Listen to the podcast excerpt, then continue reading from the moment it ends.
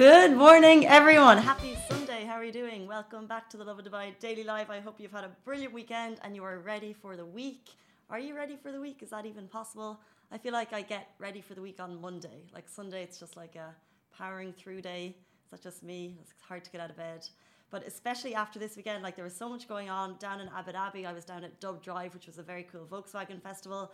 Ironman was at Jumeirah Beach. I don't know if you were there, but there was a lot of road closures for that. We're going to talk about that later in the show, and we actually have someone, our boss Rich, who completed it. He actually did a really, really good time, and also some community stories. So Rich is going to come in and talk to us about it, and also some a really cool kind of. Uh, I'll tell you about it when we get to it, but a very nice story that came from the Ironman. We're talking about some government fees were reduced over the weekend.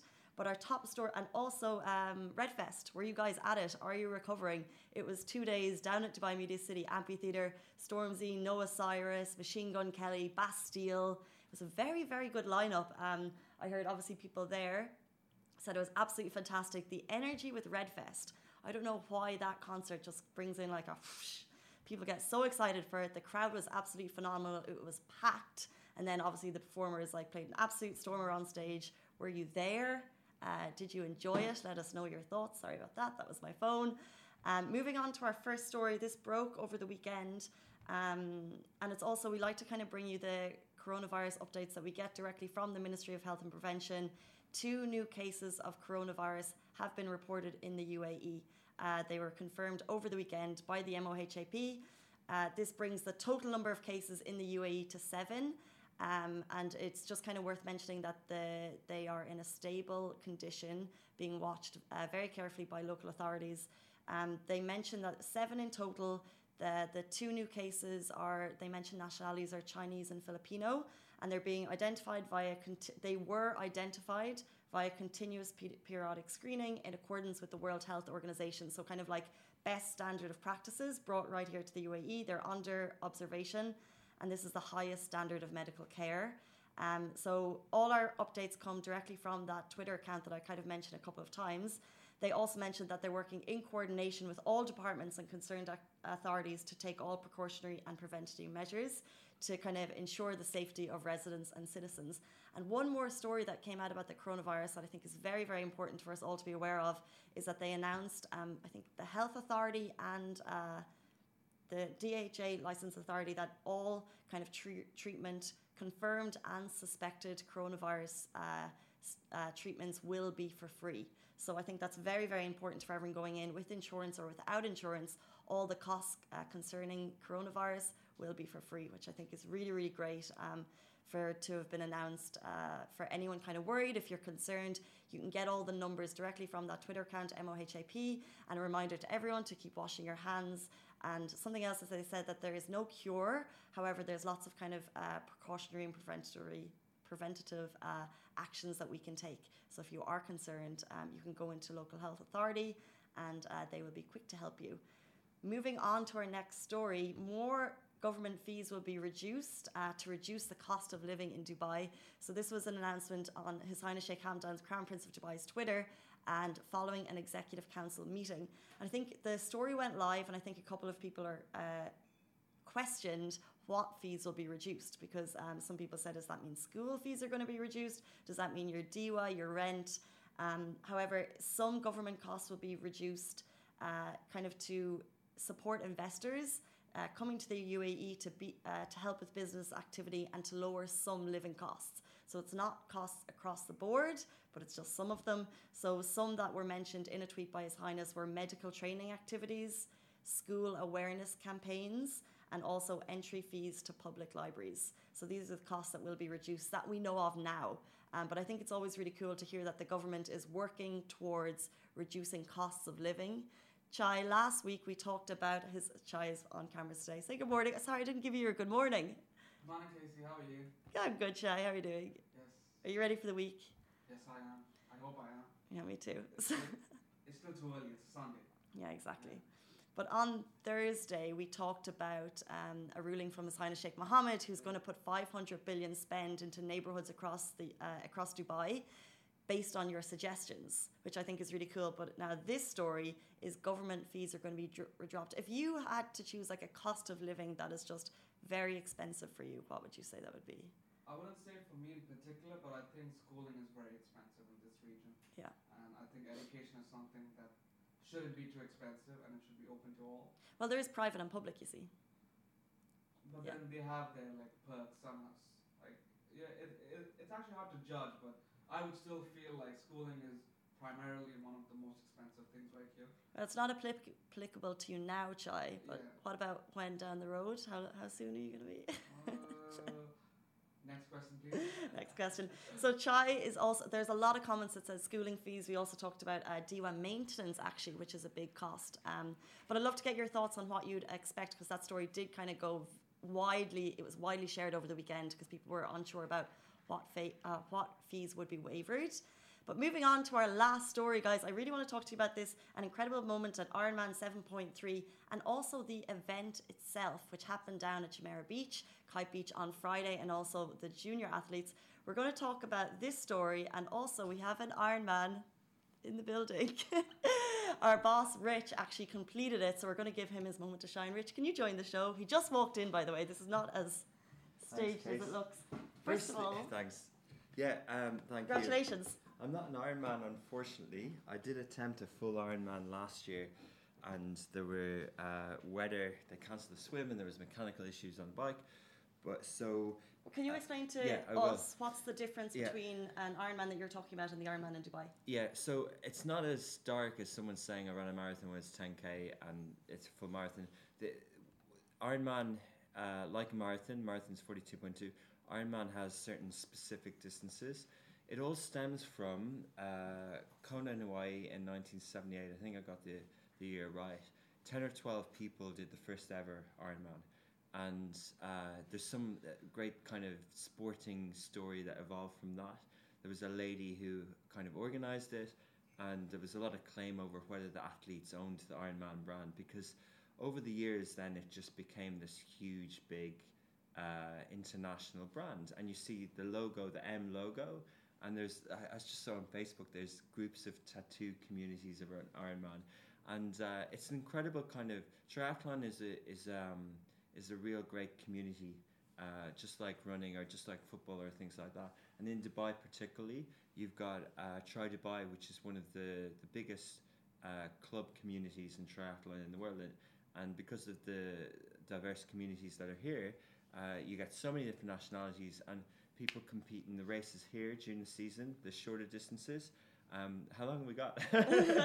and then, we- Well, and then Rich is a huge Ironman brand fan. You also love the you also love taking part in any way you yeah, can. I, right? I think I think when when the Ironman brand when it comes to the region and there aren't there isn't a full distance yet. So full distance is double what was here, yeah. uh, and the full what was here at the weekend was uh, 1.9 kilometers in the sea. So the fastest and all and with Ironman the pros come as well.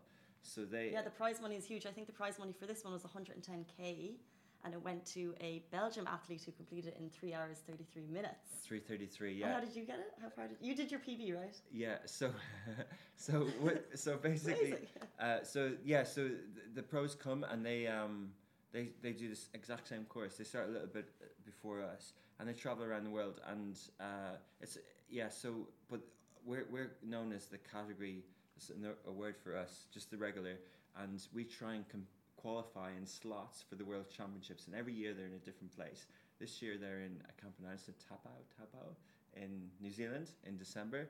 Uh, and there was 40 slots, but there was a little bit of a mix-up at the weekend on the swim, uh, on the time chip. Uh, so they have to not, they couldn't do the announcements in Jumeirah Be- Beach Hotel in the podiums Ah. on Saturday night. There was a bit big mix-up, uh, but yeah, it was it was a little bit controversial. But my time was fine. I did uh, so 1.9 in swim in the sea. I Mhm. did that in 37 minutes, not super fast. 155 uh, uh, per kilometer, um, and then got on the bike. Uh, so you just do a transition. Then you have to the night before you have to remember to have everything in the in a colored bag because it's your only chance. And then you run through the transition. So you have to make sure whatever you're taking, nutrition, helmet, uh, shoes, all the things for the bike are ready. And then everyone's got a plan on the bike. They need they know uh, when they're drinking water, uh, frequency, and when they're eating what types of foods, lots of carbs, lots of salts. Um, and we cycle all the way out. And the, the there was over 30 referee officials, volunteers from Dubai, uh, on the roads, making sure there wasn't drafting because you're not allowed draft when when you do normal cycling and in uh, uh, Gran Fondos or different kind of races, you can uh, draft, Uh-huh. but on the triathlon you're not allowed to draft. You have to be two bus stands behind the the guy in front of you. That and must if be hard to monitor. It's hard to monitor, and there was a big fuss over drafting last year. So uh, they try, and you get if you get caught drafting, you have to overtake in twenty five seconds, and if you're behind the bike and you're not overtaking, it's a yellow card, and and then that's thirty seconds in the bin, and there's literally a penalty tent at the next transition. If you don't go in, if you think that they didn't write your number down and you don't go in, you're disqualified. They're really really strict on rules. It's so competitive too. Yeah, so so so we went all the way out, and it's a little bit of headwind on the way out. We went out past Al Qudra, on the right turn to Bab al Shams, turn around, back in, uh, tailwind behind us, up to about forty five, almost fifty kilometers an hour at Yeah. some point. Did hit fifty. Uh, and then it's and then but you're still watching you're making sure not drop the bar and blah blah blah and you're trying to get the right water and then you get to 90 kilometers that's 90 kilometers um, and you're coming back down into Jumeirah Beach, uh, where there's loads of support, and you're you're getting ready for the run. And the run then is on that lovely Jumeirah Beach track, all the way from uh, Burj Al Arab down to the canal, back, and then halfway back out again and back. Uh, so I did it. I was happy because it went well. I did it in four hours thirty eight. So that was twenty minutes faster than I did last year. I'm doing Oman uh, in two weeks' time as well. Uh, that's amazing. but also like it's it's I know it's a half Ironman, but for some people like this is kind of peak. This is like what you work for. Like people are training months and months for yeah, this, right? it, the, a half Ironman would be similar amount of training, uh, different disciplines, but the amount of training as you do for a marathon. Marathons you can do depending on whoever you are, three, three, two, three, four hours or whatever. Whereas the Ironman it can be a little longer, but it's not. Uh, the the bike wouldn't be as strenuous. The heart rate wouldn't be as high as the run. But the same, you know, twelve to sixteen weeks of training for a half Ironman, whereas a full Ironman, you know, would be longer. Uh, and then they don't have a full distance yet in the region, so many people aim and train for full distances in different parts and they travel for them. And the full distance is double that. Okay. But and also what you said is training, preparing, and how it goes on the day. You have to kind of be making sure you're taking the right waters and the energies.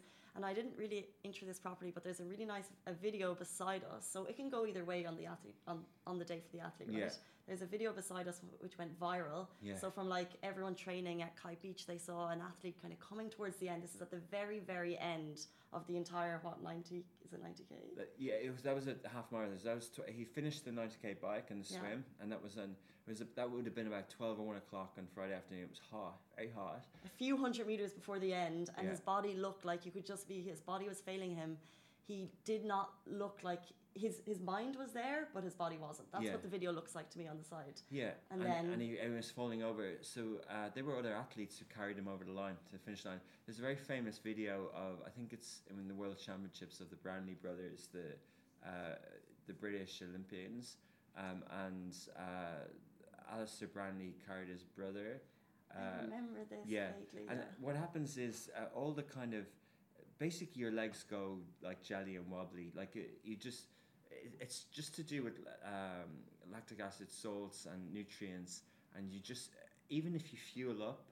Uh, you just haven't put on enough fuel and you lose it too quick and then you start getting a bit dizzy and hallucinating and it just all goes wrong so You had a similar moment last year, no? I no after the race last year I, I did uh, go into the medical tent I, I was a bit uh, a bit uh, fatigued Uh-huh. uh, but it wasn't um, it wasn't quite as as as uh, yeah I'm We're just looking at him- watching it now as he comes in.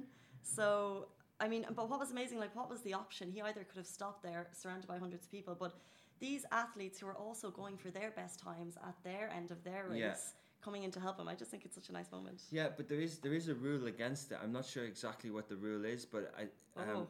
I don't think you can I don't think you can get assisted over the line I think he can be carried up like that but he has to cross the line himself and you can't uh, coordinate a finish either you can't so say if you want to cross the line like with your partner or uh, with your friend or whatever or you're training you can't actually because that's like um, match fixing you know you Mhm. know what I mean like it's like in Formula One where you can't really uh, cross. You can't manipulate a result. Yeah. So you can help like that, but you can't actually uh, manipulate a result. Well, knowing Rich and other triathletes and you know people who train really hard, I love how competitive and how strict it is because I think it's so important for everyone to get like their exact times. I like that. yeah. Uh, well, the, the time is part of it, and definitely there's a competitive nature to it. But it's just um, main thing. uh, We we enjoy it. Like we don't. You know, sure there are times when you're looking at your sets and your training. Um, you're at Al Qudra and DX bike, or you're Tri Dubai swims. They do beginner swims on Wednesday, free open water swims uh, on the beach down there at Roy's Beach. It's called after Roy Nasser, who was one of the founders of, of Tri Dubai and sadly passed in that road accident um, a, a few- years back. Uh, so that, that's a great community there to Tri Dubai, but there's also lots of sub communities. And even though we do want to finish our sets, it's you know I, I was explaining to someone over the weekend that uh, it's just like when you were playing sport when you were younger. You don't you don't look at the time. It gets dark and you're playing football, and like that. That's what most people are out there doing. It. They are competitive, and we're we are watching our times. we are we are competitive, but like only to ourselves. Like I wasn't, you know, I wasn't trying to beat anyone on at the weekends, you know, and I I would just want to enjoy it. I didn't have a time, you know. I knew I knew on the run that I was well ahead of my uh, best last year, and I was still enjoying it. I lo- loved all the support, and it's uh, yeah, it's a good event, and hopefully there will be hopefully yeah, there's one in Oman, and there might be one in Saudi eventually, um, and it's just good because these. This is the fifth year, I think, that Dubai has held the Ironman Yeah. um, and it's just they aren't they aren't guaranteed to stay forever. So it's great that I think two and a half thousand people. It's amazing that Dubai closes the roads for this, right? Yeah, and they extended the, this time they had they extended extra lanes, so all those roads were were uh, closed for a few hours on Friday. Sorry to those who were disrupted, but you know there was even I saw some video of.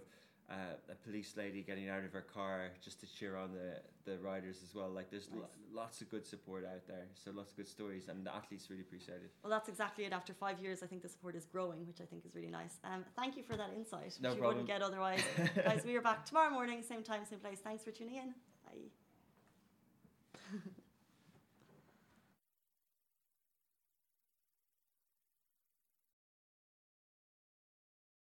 That is a wrap for the Lovin Dubai Daily Live. Remember, we are back with you same time, same place every morning. Do not forget, we also have Dubai Works Business Podcast where Rich sits down with the business people of Dubai so you can get more information about that. And of course, the Lovin Weekly show where Shireen and I chat to influencers and get to know a little bit more about them. Bye.